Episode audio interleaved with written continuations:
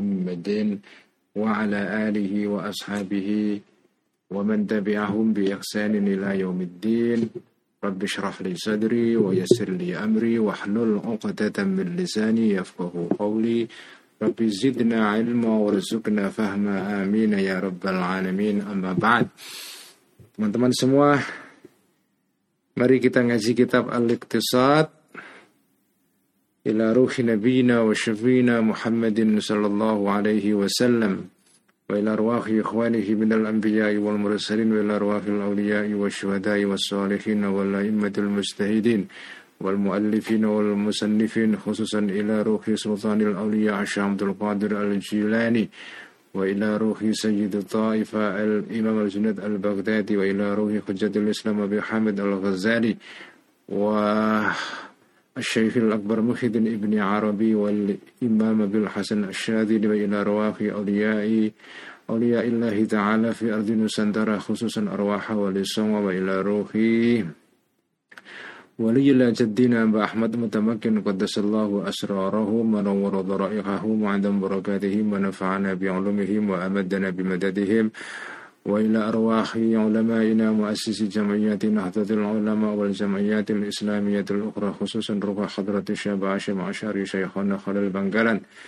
كي واحد كي بشي سنسوري كي واحد قصدر كي أحمد صدق كي أسعد كي علي محرس كي سلام كي أي سهل محفوظ كي بشري كي أرواري غفر الله ذنوبهم وستر عيوبهم ويعني درجاتهم ونفعنا بعلومهم وإلى أرواح آبائنا وأمهاتنا وأجدادنا وجداتنا ومشايخنا ومشايخ مشايخنا وسن روح أبيك يا الله رفعي وروح أمي يا سلامة وروح أمي يا فاطمة غفر الله ذنوبهم وستر عيوبهم ويعلي درجاتهم شيء لله لهم الفاتحة أعوذ بالله من الشيطان الرجيم. بسم الله الرحمن الرحيم. الحمد لله رب العالمين. الرحمن الرحيم. مالك يوم الدين. إياك نعبد وإياك نستعين.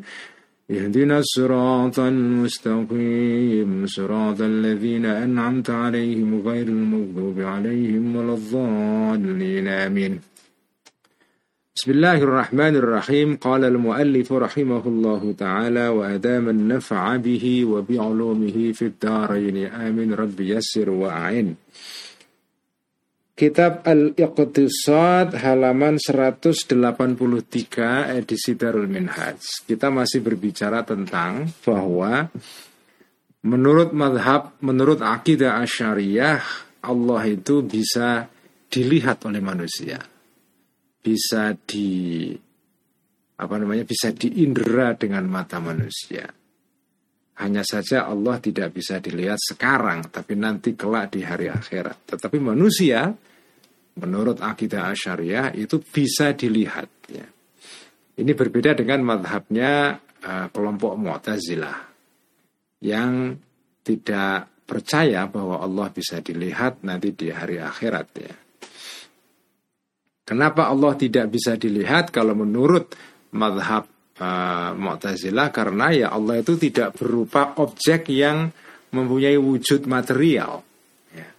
Karena sesuatu bisa dilihat jika dia berupa jauhar atau arot, berupa objek yang ada bentuk materialnya, ada bentuk fisiknya, ada barangnya.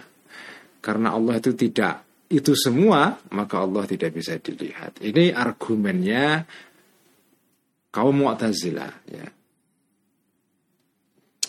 Uh, kalau pandangan akidah asyariah Allah itu bisa dilihat. Ya. Allah bisa dilihat dan apa namanya uh, kemarin uh, diterangkan apa namanya uh, dalilnya adalah karena apa namanya karena eh, dua hal ya. Pertama adalah karena apa namanya al jawazul akli secara akal ya Allah itu bisa dilihat ya, akal tidak memustahilkan kemungkinan Allah itu bisa dilihat. Meskipun tidak bisa dilihat sekarang tetapi nanti di hari akhirat ya Kemudian yang kedua dalilnya ya dalil syara, dalil agama. Karena di Quran di dalam uh, surat uh, saya lupa surat Al-Qiyamah atau ya uh, atau An-Najm dikatakan di sana bahwa Allah itu bisa dilihat ya. Wujuhun yawma idzin nadhirah ila rabbiha nadhirah. Itu salah satu dalil yang dipakai oleh madhab Ash'ari untuk me mendukung ya pendapat mereka bahwa Allah itu bisa dilihat.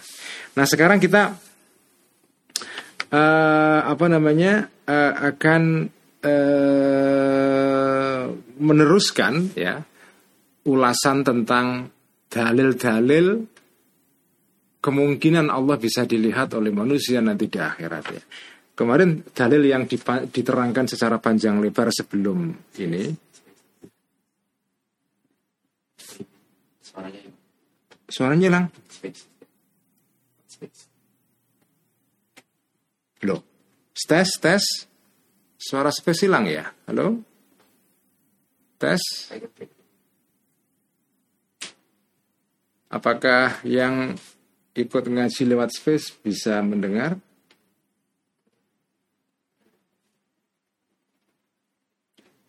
Tes. Halo, tes, tes. Eh? Ya.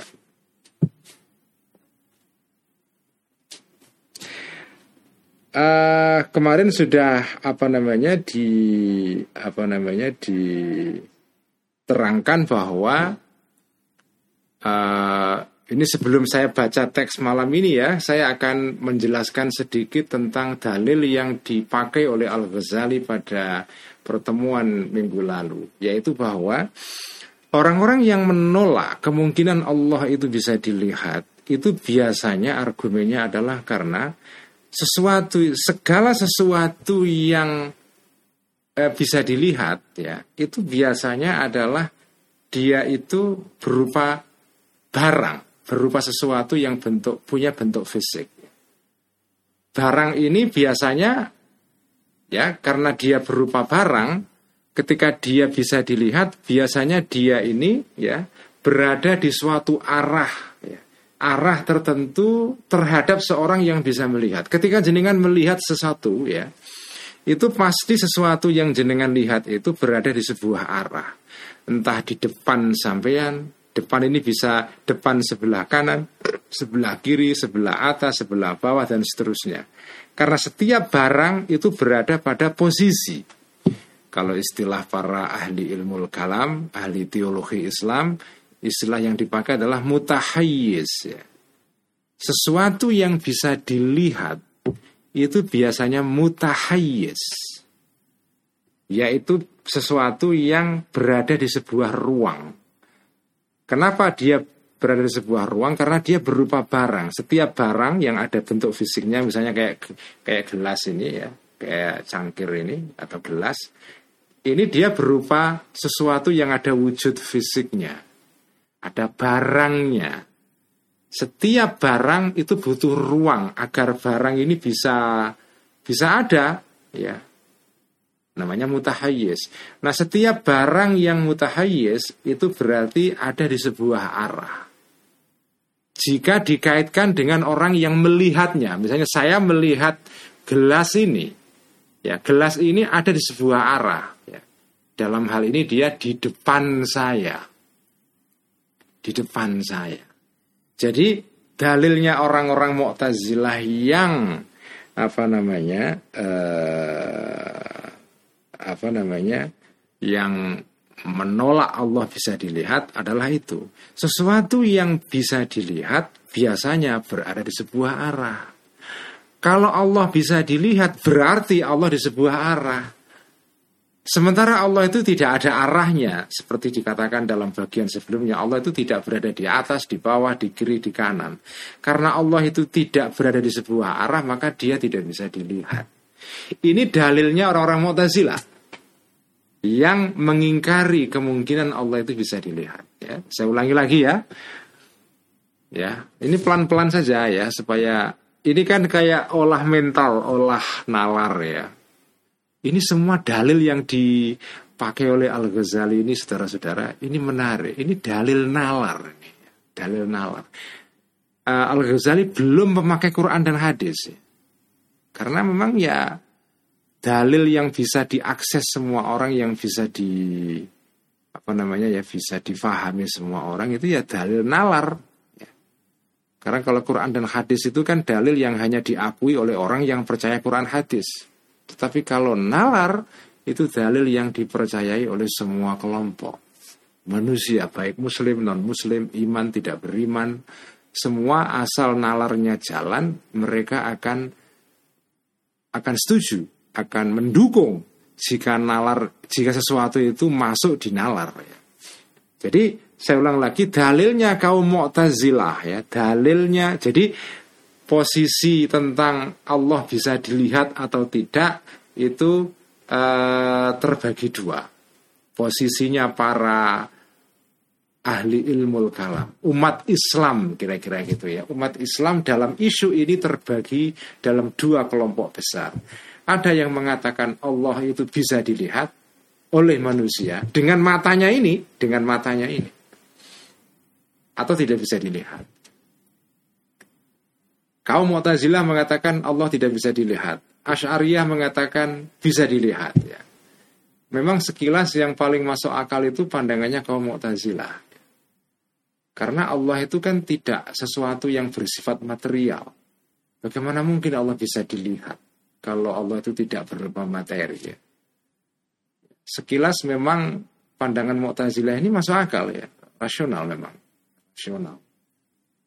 Tetapi Quran mengatakan bahwa Allah itu bisa dilihat ya wujuhun yauma idzin ila rabbiha di hari kiamat nanti wajah-wajahnya orang-orang yang beriman itu bersinar nadhirah ila rabbiha nadhirah bisa melihat Tuhannya. Nah dalil ini oleh kaum Asy'ariyah, akidah Asy'ariyah yang diikuti oleh sebagian besar umat Islam Sunni di dunia dari dari dulu sampai sekarang ya termasuk oleh warga NU. Jadi kalian yang ikut uh, Nahdlatul Ulama ya, kaum muslim Sunni yang pengikut Nahdlatul Ulama, anak orang-orang NU atau yang sepakat dengan dengan NU itu di dalam akidah mengikuti akidah Asy'ariyah atau akidah Maturidiyah. Di dalam hal ini akidah Asy'ariyah dan Maturidiyah posisinya sama. Yaitu bahwa Allah itu bisa dilihat. Nah, kelompok Mu'tazilah mengatakan tidak bisa dilihat. Dalilnya kelompok Mu'tazilah ya, minggu yang lalu minggu yang lalu diterangkan ya di sana. Dalilnya adalah saya ulang lagi ya supaya nanti bisa jenengan bisa paham uh, terhadap teks yang akan saya baca. Ya. Dalilnya orang-orang Mu'tazilah yang mengingkari Allah bisa dilihat adalah ya, bahwa setiap sesuatu yang bisa dilihat, setiap barang, objek yang bisa dilihat itu berarti berada di sebuah arah. Ya, ini ada buku ini ada wujud barangnya bisa kita lihat. Ya. Nah, sesuatu, setiap sesuatu yang bisa dilihat itu biasanya dia berada di sebuah arah. Arah itu arah itu artinya lokasi letak sesuatu terhadap orang yang melihatnya. Ya. Jadi makanya dalam bagian yang lalu saya mengatakan yang disebut dengan arah itu wataknya adalah relasional. Artinya relasi itu berhubungan. Jenengan bisa mengatakan sesuatu itu di atas karena jenengan ada di bawah. Sesuatu itu di bawah karena jenengan di atas. Kalau sesuatu itu tidak berkaitan dengan sesuatu yang lain, dia tidak punya arah. Ya kan? Misalnya misalnya kursi pada dirinya sendiri itu. Itu tidak ada arahnya. Dia mempunyai arah tergantung yang melihat kursi itu. Misalnya contoh yang paling baik adalah Indonesia. Indonesia itu arahnya di mana? Di barat, di timur, di selatan atau di utara? Ya tergantung. Ya. Kalau Indonesia itu tidak dilihat oleh seseorang Indonesia per se, Indonesia pada dirinya sendiri itu tidak punya arah. Indonesia itu banyak baru punya arah kalau jenengan berada di sebuah tempat tertentu. Kalau jenengan di Jepang, Indonesia ada di sebelah selatan. Kalau jenengan ada di Arab Saudi, Indonesia ada di sebelah timur. Ya. Kalau sampean tinggal di Amerika, maka Indonesia berada di sebelah barat. Jadi kalau jenengan di Australia, Indonesia ada di selatan. Jadi yang disebut dengan arah itu bersifat relasional. Ya paham ya? Setiap arah itu selalu mengandung makna relasional. Sesuatu disebut di selatan karena sampai di utara. Sesuatu disebut di utara karena sampai di selatan. Kalau sesuatu itu pada dirinya sendiri nggak punya arah dia. Ya, misalnya kursi. Kursi tidak dilihat dalam kaitannya dengan hal yang lain nggak punya arah dia. Jadi, nah sesuatu yang bisa dilihat Sesu, ya ini ini kaidahnya orang Mu'tazilah ini. Ini kaidah yang mm, apa ya? Yang rasional aja. Setiap sesuatu yang bisa dilihat berarti ada yang melihat. Nah, iya dong. Sesuatu yang yang dilihat berarti mengandaikan ada yang melihat. Dan setiap sesuatu yang bisa dilihat berarti dia berada di sebuah arah tertentu terhadap yang melihatnya. Makanya relasional. Kalau Allah itu bisa dilihat, ini kaidah orang Mu'tazilah ya. Reasoningnya, cara berpikirnya orang Mu'tazilah. Kalau Allah bisa dilihat, berarti Allah di sebuah arah. Sebagaimana jenengan melihat kursi di depan sampean disebut kursi di depan karena sampean ada di depan kursi. Jadi kalau jenengan mengatakan Allah bisa dilihat, berarti Allah di sebuah arah. Jadi setiap sesuatu yang bisa dilihat itu dia berada di sebuah arah. Sementara Allah tidak ada arahnya. Sebagaimana dikatakan dalam bagian sebelumnya. Berarti kesimpulannya Allah tidak bisa dilihat. Itu pandangan orang Mu'tazilah. Jawaban Al-Ghazali sebagai pengikut akidah Asyariah adalah ya, bertanya balik, bertanya balik.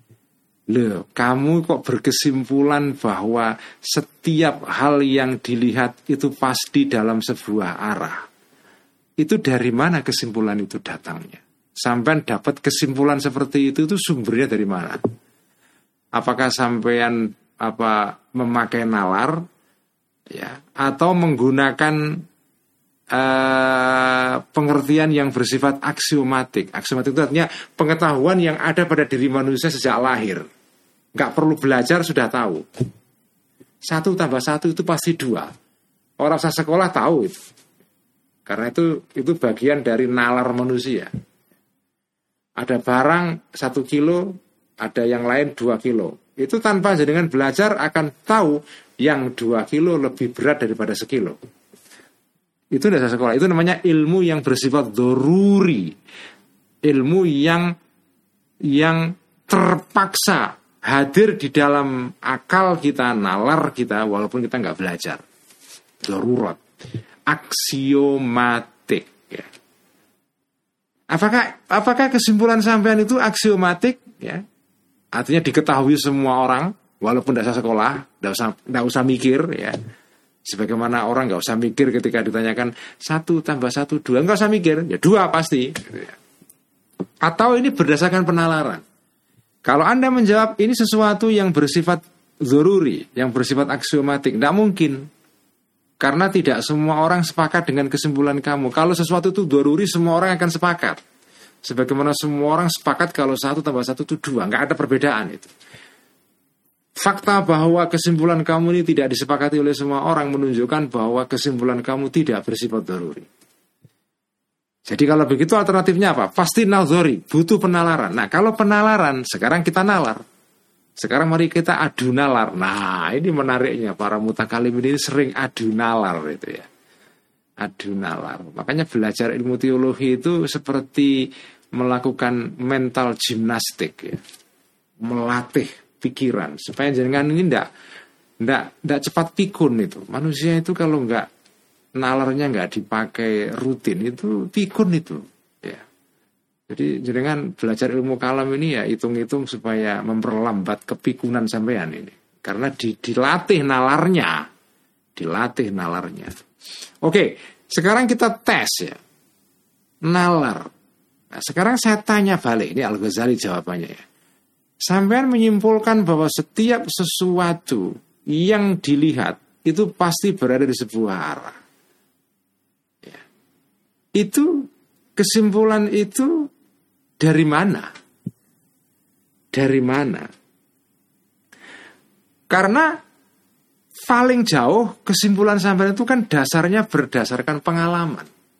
Berdasarkan survei pengalaman empiris sampai berkesimpulan bahwa setiap sesuatu yang bisa dilihat itu berarti berada di sebuah arah. Karena Allah tidak ada arahnya maka tidak bisa dilihat. Nah, kesimpulan kamu seperti ini perlu dipertanyakan karena belum tentu ya pengalaman itu itu mewakili seluruh seluruh hal. Kalau kebiasaannya itu adalah bahwa sesuatu yang bisa dilihat ada di sebuah arah, itu bukan berarti bahwa segala sesuatu yang bisa dilihat pasti ada arahnya. Karena boleh jadi ada kasus lain yang jenengan tidak pernah lihat, di mana di situ ada sesuatu yang bisa dilihat tapi tidak punya arah. Jadi pengalaman itu tidak bersifat menyeluruh sebanyak-banyak pengalaman sampean itu tidak bisa mewakili seluruh sampel itu kira-kira kalau pakai bahasa survei ya. Pengalaman empiris itu tidak bisa menyimpulkan apa-apa. Karena penyimpulan dari pengalaman empiris itu paling jauh ya bersifat probabilitas. Karena kebanyakannya begitu yang saya lihat ya kesimpulan saya begitu. Tapi tidak ada korelasi yang bersifat apa namanya niscaya karena yang saya lihat begini, maka kesimpulannya begini. Karena berdasarkan pengalaman saya, segala hal yang bisa dilihat itu pasti ada arahnya, maka kesimpulannya adalah setiap sesuatu yang bisa dilihat pasti ada arahnya. Karena Allah tidak punya arah, maka tidak bisa dilihat. Paling kan begitu. Tetapi kalau dasar sampean untuk menyimpulkan ini hanya penglihatan sampean, survei empiris sampean, maka itu tidak bisa menyimpulkan apa-apa karena boleh jadi ada sesuatu yang lain yang tidak sampean lihat tetapi kasusnya beda.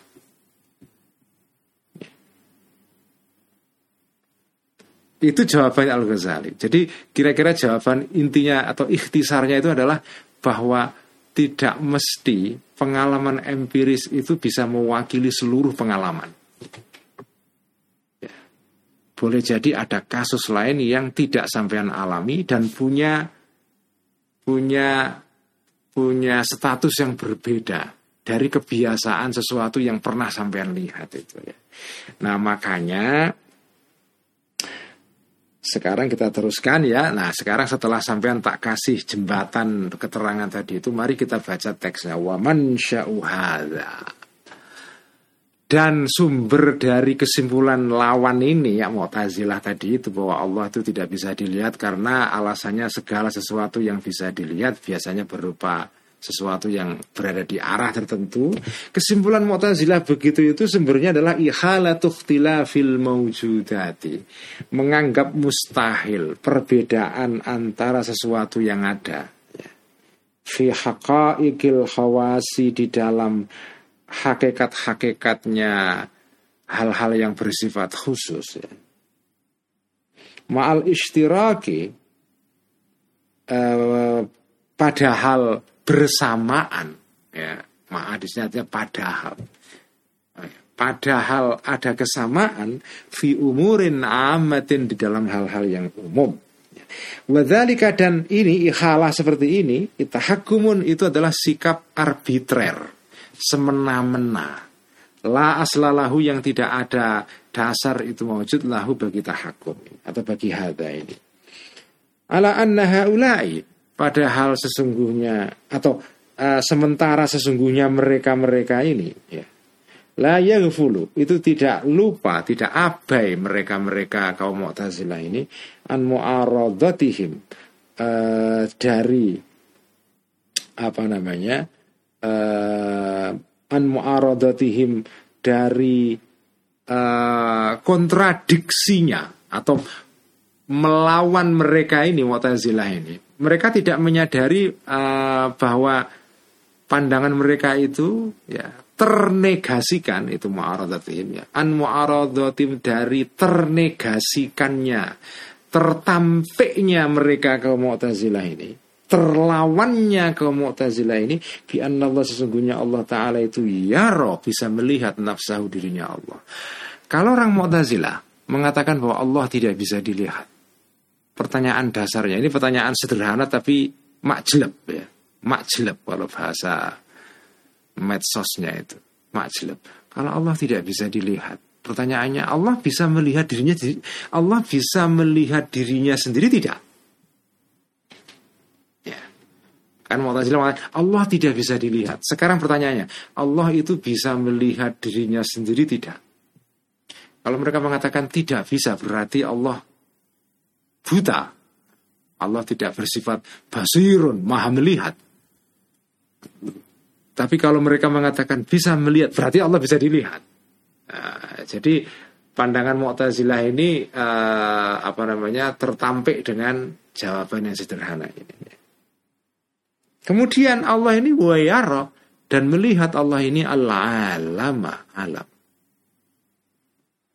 Allah itu dalam salah satu sifat-sifatnya ya disebut Allahu basirun. Allah itu maha melihat.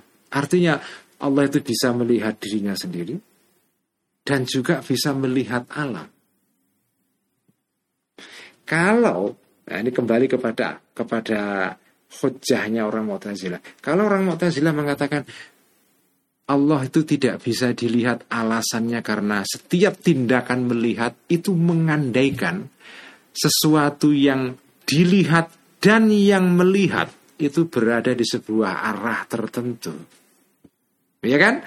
Sesuatu yang bisa dilihat itu pasti ada di sebuah arah. Yang melihat pun juga ada di sebuah arah. Kalau saya mengatakan kursi di depan, itu artinya saya berada di seberangnya kursi. Ada di sebuah lokasi. Kursi sendiri juga ada di sebuah lokasi, yaitu di depan saya. Jadi baik yang melihat ya the beholder yang melihat dan beholden yang dilihat itu dua-duanya ada di sebuah arah. Nah sekarang saya tanya, ini Al Ghazali bertanya kepada Mu'tazilah untuk menyangkal pandangan mereka. Allah bisa melihat alam raya ini enggak?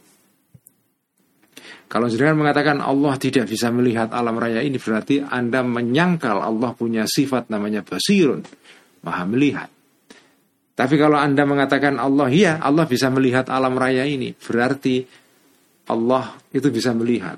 Dan artinya kalau gitu Allah berada di sebuah arah dong. Ya kan? Tadi kan dasarnya berpikir kayak gitu. Setiap tindakan melihat itu mengandaikan bahwa yang dilihat maupun yang melihat berada di sebuah arah. Kalau Indonesia dikatakan ada di selatan itu karena mengandaikan ada orang yang melihat yang berada di di, di arah utara. Jadi kalau sampai ada di utaranya Indonesia, misalnya di Malaysia, di Cina, ya, sampai melihat Indonesia itu di utara. Jadi kalau kalau begitu, kalau anda anda berprinsip seperti itu, berarti kalau Allah itu maha melihat, termasuk melihat alam raya ini, kalau begitu Allah ada di sebuah arah dong.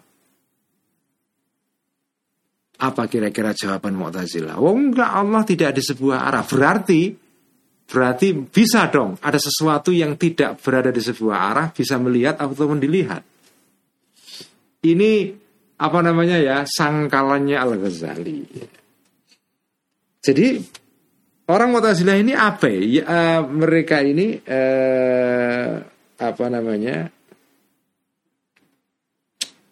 uh, mereka lupa ya bahwa Allah itu maha melihat bisa melihat dirinya sendiri tetapi juga bisa melihat alam raya ciptaannya. Sementara wahwa Allah, ya hale Allah dalam keadaan Allah ini jumlah haliyah. Laisa tidak ada Allah itu bijihatin berada di sebuah arah. Min nafsi dari dirinya sendiri Allah wala minal alami dan tidak uh, apa namanya uh, apa namanya tidak terhadap alam.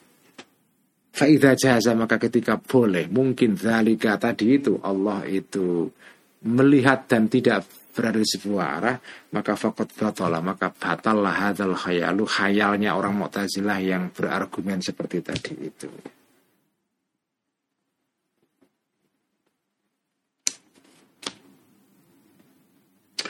Saya akan kembali kepada kalimat sebelumnya. Ala anna haula itu la yaghfulu bacaannya sebenarnya bukan la yaghfulu la yughfalu ya, bukan la yaghfulu karena kalau layak flu itu ya nggak bisa. Kalau layak flu layak fuluna. Ya jadi ini dibaca mabni majhul. Jadi harokatnya salah di dalam kitab ini. Ala annaha ulai. Ya. E, padahal ya sesungguhnya mereka ya apa namanya kaum Mu'tazilah tadi itu la yuhfalu tidak dilupakan an murak untuk disangkal mereka ini bi nah ini ya jadi layu falu, bukan layu falu. Baik, saya teruskan. Wahada. Dan ini ya tadi itu kesimpulan ini bahwa Allah itu bisa melihat tanpa tanpa dirinya sendiri berada di sebuah arah ya.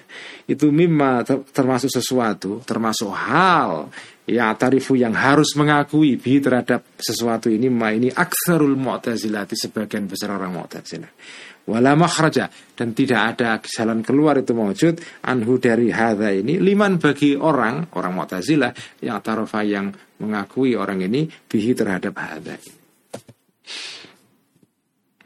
Nah, sekarang dalil berikutnya, sangkalan Al-Ghazali yang berikutnya. Ini menarik sangkalan berikutnya ini. Mari kita baca ya. Saya akan baca sampai akhir paragraf. Nanti setelah itu saya akan terangkan. Jadi sabar dulu ya. Jangan sekarang uh, dengarkan uh, saya membaca teks Arabnya dulu nanti saya terangkan di ujung paragraf. Waman angkaro, waman dan barang siapa? Angkaro yang mengingkari ini minhum di antara orang-orang Mu'tazilah. Mengingkari bahwa Allah yang tadi itu Allah itu maha melihat kalau maha melihat berarti melihat Allah bisa melihat dirinya sendiri dan bisa melihat alam raya. Sementara Allah itu tidak berada di sebuah arah. Artinya bisa dong terjadi tindakan melihat sementara yang melihat tidak berada di sebuah arah. Nah, kalau ada orang Mu'tazilah mengingkari ini, tadi ini, falayak ketiru, maka tidak kuasa orang ini man tadi itu ala ingkari ru'yatil insani. Untuk mengingkari bisa melihatnya manusia nafsahu dirinya manusia. Filmirati di kaca. Ya sekarang sangkalan berikutnya menggunakan parabel atau metafor pak apa contoh ya. Menggunakan uh, apa namanya uh, contoh berupa cermin jenengan ketika memiliki cermin, cermin sampean taruh di di tembok ya. Terus sampean berada di depan cermin. Apa yang sampean uh, lihat? Sampean melihat diri sampean di cermin itu. Di cermin itu. Nah, bagaimana Eh, contoh cermin ini dipakai oleh Al Ghazali untuk membuktikan bahwa Allah bisa dilihat. Nah ini kita ikuti sekarang. Wa ma'lumun dan bisa diketahui annau sesungguhnya manusia itu laisa tidak ada manusia itu fi muqabalati nafsi di dalam menghadapi dirinya sendiri manusia ini. Fa'in zamu jika menyangka orang-orang Mu'tazilah yang mengingkari hal ini, annau sesungguhnya manusia itu layar. Tidak bisa melihat manusia. Ini nafsahu terhadap dirinya manusia. Dalam kaca maksudnya. Wa innama dan sesungguhnya melihat manusia ini suratan gambar muhakiatan yang serupa di surati terhadap gambarnya manusia.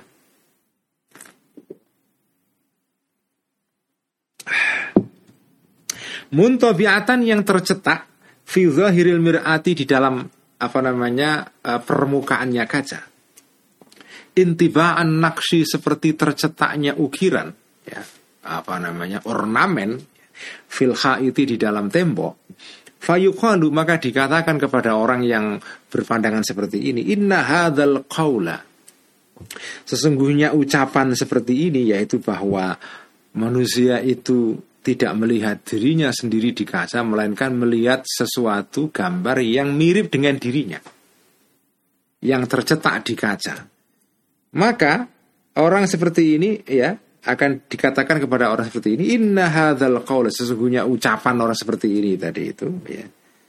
Ucapan bahwa al insanu la yara nafsahu wa inna ma yara suratan muhakiyatan li suratihi. Itu zahirul istihalati jelas mustahilnya. Nggak masuk akal. Kenapa? Fa innaman karena sesungguhnya orang. Ada yang menjauh orang ini. An miratin dari kaca. Mansubatin yang dipasang. Fi haitin di tembok. Dari dhiraa ini sekadar dua apa namanya dua dua lengan. Zira itu apa lengan ya. Ya satu lengan itu kira-kira setengah meter lah ya, 40 cm. Tergantung lengan panjang atau pendek. Ya roh, maka orang ini akan melihat surat tahu gambar dirinya orang ini. Bayi datang menjauh anjir mil mirati dari uh, fisiknya, dari barangnya dari wujudnya kaca ini juga bidiroa ini sejauh dua zira dua dua tangan ya. Dua lengan. Wa ada dan jika menjauh orang ini dari kaca di salah satu azruin uh, dengan tiga lengan ya saya menjauh lagi tiga lengan caranya dari kaca maka fakadhalika maka seperti itu juga. Artinya tampak di kaca juga sejauh tiga lengan ya jaraknya itu. Well baik itu dan orang yang jauh anil mirati dari kaca bidiro ini sejauh dua lengan. Kaifa bagaimana mungkin yakunu ada orang yang jauh ini al bait muntabian tercetak fil mirati di kaca wasamkul mirati sementara tebalnya kaca itu itu rubbama la mungkin atau ya mungkin tidak melebihi samkul mir'ah ini ala samki syairatin terhadap tebalnya rambut. Karena kaca yang begitu tipis ya. Tebalnya paling ya apa namanya serambut saja atau paling beberapa mili saja. Fa'ingkarat maka jika ada asuratu gambar itu fisyain jika gambar manusia yang tercetak di kaca itu itu seperti fisyain di dalam sesuatu wara al mirati di balik kaca. Fahuwa maka maka kaunus surati fi syai'in wara al mir'ah itu muhalun juga muhal mustahil. Idlaisa karena tidak ada wara al mir'ati di balik kaca illa zidarun kecuali tembok au hawaun atau hawa atau ruang kosong au syahsun akharu atau orang lain Sementara wahua syahsun akhor ini atau jidar atau hawa itu mahjubun terhalang anhu dari orang ini dengan kaca tersebut ya. Wahua sementara manusia ini layar tidak bisa melihat orang ini hu kepada syahsun ini. Wakata dan begitu juga Wakata dan sebagaimana wara al mir'ah an yaminil mir'ati dari samping kanannya kaca. Wa an yasariha dan dari sebelah kirinya kaca, wa fauqaha dan di atasnya kaca, wa tahta dan di bawah di bawahnya kaca. Wajihatul mar'ati dan arah-arahnya kaca. Itu situ ada enam. Karena arah itu kan enam ya kanan kiri depan belakang atas bawah. Jadi tidak ada lain kecuali enam itu arah itu Wahua sementara manusia ini yaro melihat manusia tadi al ba'id tadi itu suratan gambar ba'idatan yang jauh anil mirati dari kaca bidhiro'a ini sejaruh dua zira dua lengan. Fal tutlab maka hendak dicarilah hadhihi suratu gambar ini menjawani bil mirati dari seka, sekelilingnya kaca dan tidak ketemu. Fahaitu wujidat maka sekiranya dijumpai, dilihat, ditemukan ya eh, eh, apa namanya kaca tersebut fahuwa maka uh, apa namanya maka orang tersebut al bait fahaitsu wujidat maka sekiranya apa ditemukan ya uh, surah tadi itu ya gambar tadi itu fahuwa maka yang disedang fahuwa ay al maujud sesuatu yang ditemukan ini adalah al mar'iyu sesuatu yang dilihat wala wujud dan tidak ada wujud itu wujud limithli hadhihi surati kepada sepadannya gambar ini al mar'iyati yang dilihat. Fil ajsami di dalam jisim-jisim ya barang-barang yang punya wujud material ini al muhitati yang mengelilingi film mirati terhadap kaca illa fi jismin nadhiri kecuali di dalam jisimnya badannya orang yang melihat tadi itu yang melihat di, di kaca itu ya. orang yang melihat yang berada di depan kaca fahuwa maka an nazir ini adalah al yang orang yang dilihat Izan dengan demikian bid secara darurat Wakat batolat sementara batal ter, ter apa, tertangkis tersangkal al muqabalatu adanya hadap-hadapan wal jihadu dan arah. Oke, ini satu paragraf panjang. Satu paragraf panjang. Saya terangkan pelan-pelan. Semoga Anda paham dan tidak ngeluh, ya, tidak pusing. Nah, sekarang saya terangkan. Ya. Sangkalan kedua atau jawaban kedua Al-Ghazali terhadap pandangannya orang-orang Mu'tazilah menggunakan contoh kaca. Oke? Kaca, cermin. Pertama mari kita telah dulu kaca itu. Kaca itu tebalnya berapa sih kaca itu? Ya tergantung. Umumnya kaca itu tebalnya berapa? Ya paling 2-3 mili lah ya. Ya ada juga yang tebal ya, tapi ngapain punya kaca tebal-tebal itu wong fungsi kaca kan hanya untuk ngilo, untuk bercermin. Kaca yang 2 mili sudah cukup. Ya, ngapain punya kaca sampai satu satu senti tebalnya kalau fungsinya sama dengan yang 2 mili ya. Ya paling kaca itu tebalnya 2 mili, oke? Okay? Ketika jenengan pasang kaca di tembok untuk ngilo, untuk bercermin, Lalu sampean berada di depan kaca itu. Sampean melihat kaca. Apa yang sampean lihat itu? Sampean melihat diri sampean di dalam kaca. Oke. Okay? Sampean bisa melihat diri sampean. Padahal kalau tidak ada kaca, kalau tidak ada kaca, pada dasarnya manusia itu tidak bisa melihat dirinya sendiri. Tidak bisa. Orang itu bisa melihat orang lain, tapi tidak bisa melihat dirinya sendiri. Ya kan? Itu kan kaidah dasar itu, nalar saja. Orang itu tidak bisa melihat dirinya sendiri. Yang bisa dilihat oleh manusia adalah orang yang selain dirinya. Tetapi kalau ada kaca, orang itu bisa melihat dirinya sendiri. Artinya kaca ini membuat sesuatu yang semula mustahil bisa dilihat, jadi bisa dilihat. Ini nanti akan sampai kepada pendapat Asy'ariyah tadi itu bahwa Allah itu bisa dilihat. Pelan-pelan dulu ya. Jadi pertama pertama kaidah dasarnya atau cara berpikir tingkat pertamanya adalah manusia itu tidak bisa melihat dirinya sendiri. Tanpa alat apa pun itu tidak bisa. Tidak bisa. Dia hanya bisa melihat orang lain. Manusia tidak bisa melihat dirinya sendiri itu sama dengan kira-kira tadi itu eh, pendapatnya orang Mu'tazilah Allah itu tidak bisa dilihat karena setiap sesuatu yang bisa dilihat biasanya berada di sebuah arah. Karena Allah tidak bisa di, tidak berupa tidak di sebuah arah maka Allah tidak bisa dilihat. Nah itu itu sama kedudukannya dengan tadi itu prinsip dasar manusia itu tidak bisa melihat dirinya sendiri. Dia hanya bisa melihat orang lain. Nah, padahal manusia itu bisa melihat dirinya sendiri kalau ada alat yang namanya kaca. Kaca itu kalau sampean pasang di tembok lalu sampean berdiri di depan kaca sampean akan bisa melihat diri sampean di kaca.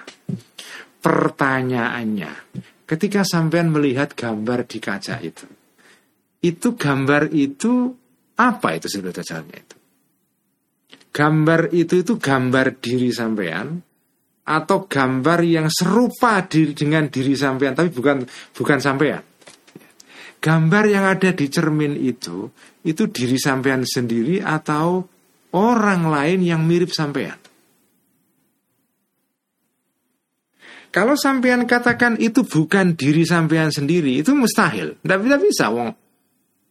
Kenapa? Karena buktinya begini. Kalau sampean menjauh dari kaca satu meter, itu tampak di kaca sampean juga menjauh satu meter. Sampean mendekat lagi, ya kelihatan dekat. Sampean menjauh juga kelihatan jauh. Lu sementara kaca itu kan cuma 2 mili tebalnya.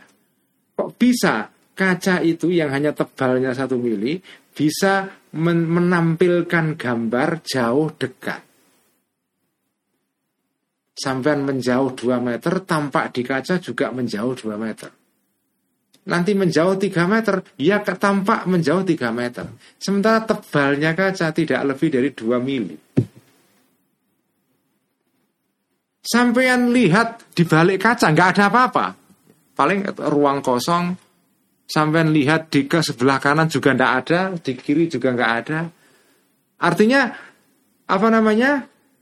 gambar yang ada di kaca ini, gambar yang ada di kaca ini, itu gambar sampean tuh, gambar sampean. Sampean bisa melihat gambar sampean diri sendiri. Sementara sementara gambar yang sampean lihat di kaca itu itu tidak berada di sebuah arah. Nggak ada arahnya itu. Ya kan? kacanya di depan sampean, tapi gambar yang di, di depan yang ada di kaca itu, itu apakah ada arahnya? Kan tidak ada. Tidak di depan, tidak di belakang, tidak di kanan, tidak di kiri, tidak di atas. Karena kalau sampean mengatakan gambar di kaca itu ada di ada di sebelah kanan, sampean nengok ke kanan kaca juga nggak ada apa-apa, kiri juga tidak ada apa-apa.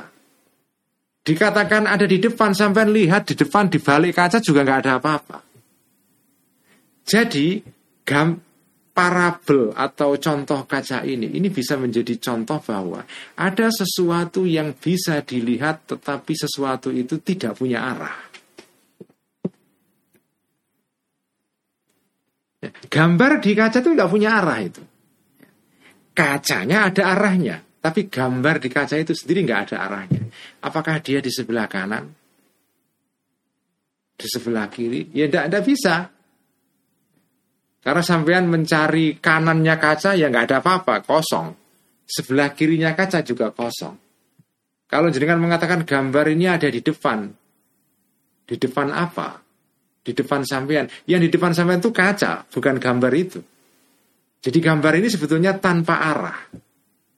Dan gambar ini juga tidak fi muqabalatika, tidak di depan sampean.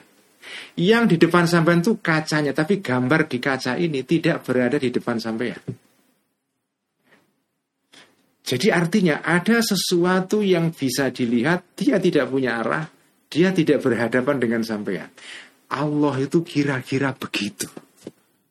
Seperti objek di dalam kaca. Allah tidak punya arah, tidak punya kiri kanan, uh, atas bawah tapi bisa dilihat. Objek di kaca itu tidak ada arahnya.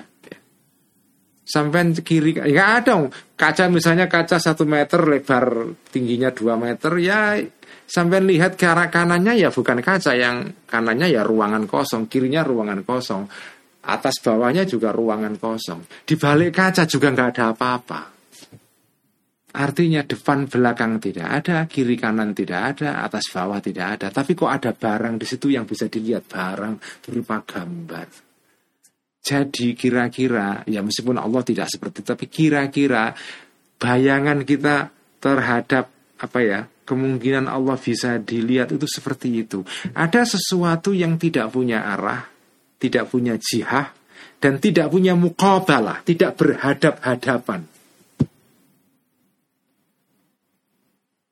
tapi bisa dilihat. Itu contoh kaca. Ini menurut saya nggak kebayang sama sekali. Ini kreatif sekali ini apa contoh yang dipakai oleh Al Ghazali ini. Ini ini kreatif sekali. Kita nggak bayangin loh kok bisa sampai urusan kaca. ini luar biasa ini. Di kaca ini. Nah nanti minggu depan eh, besok malam ya kita teruskan bacaan ini. Eh, nanti akan di akan diteruskan dengan keterangan berikutnya. Kok cuma gitu aja jawabannya? Nah nanti akan dijawab. Ini jawaban ini tidak main-main. Ini tidak guyonan. Ini serius ini ya. Walajam bagi an yustahkar hadal ilzam. Nah nanti kita baca besok malam. Malam ini cukup sekian supaya sampean tidak tambah ngeluh ya. Mari kita tutup dengan bacaan salawatin bil qulub. Allahumma salli على سيدنا محمد طب القلوب ودوائها وعافية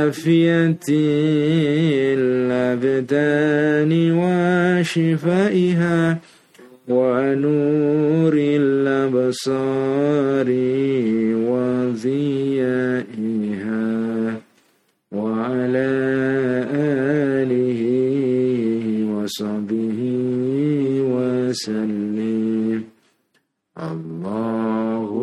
وصلي على سيدنا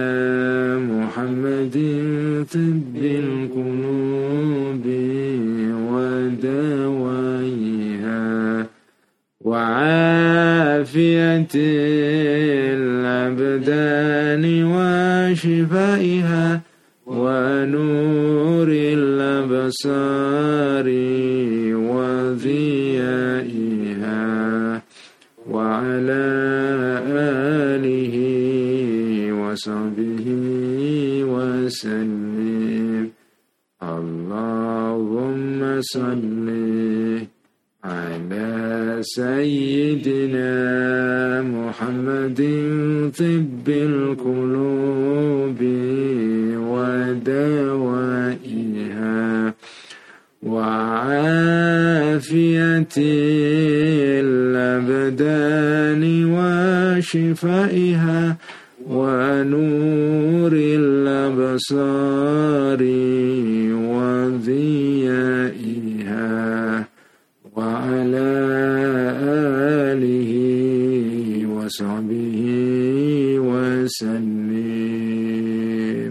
Assalamualaikum warahmatullahi wabarakatuh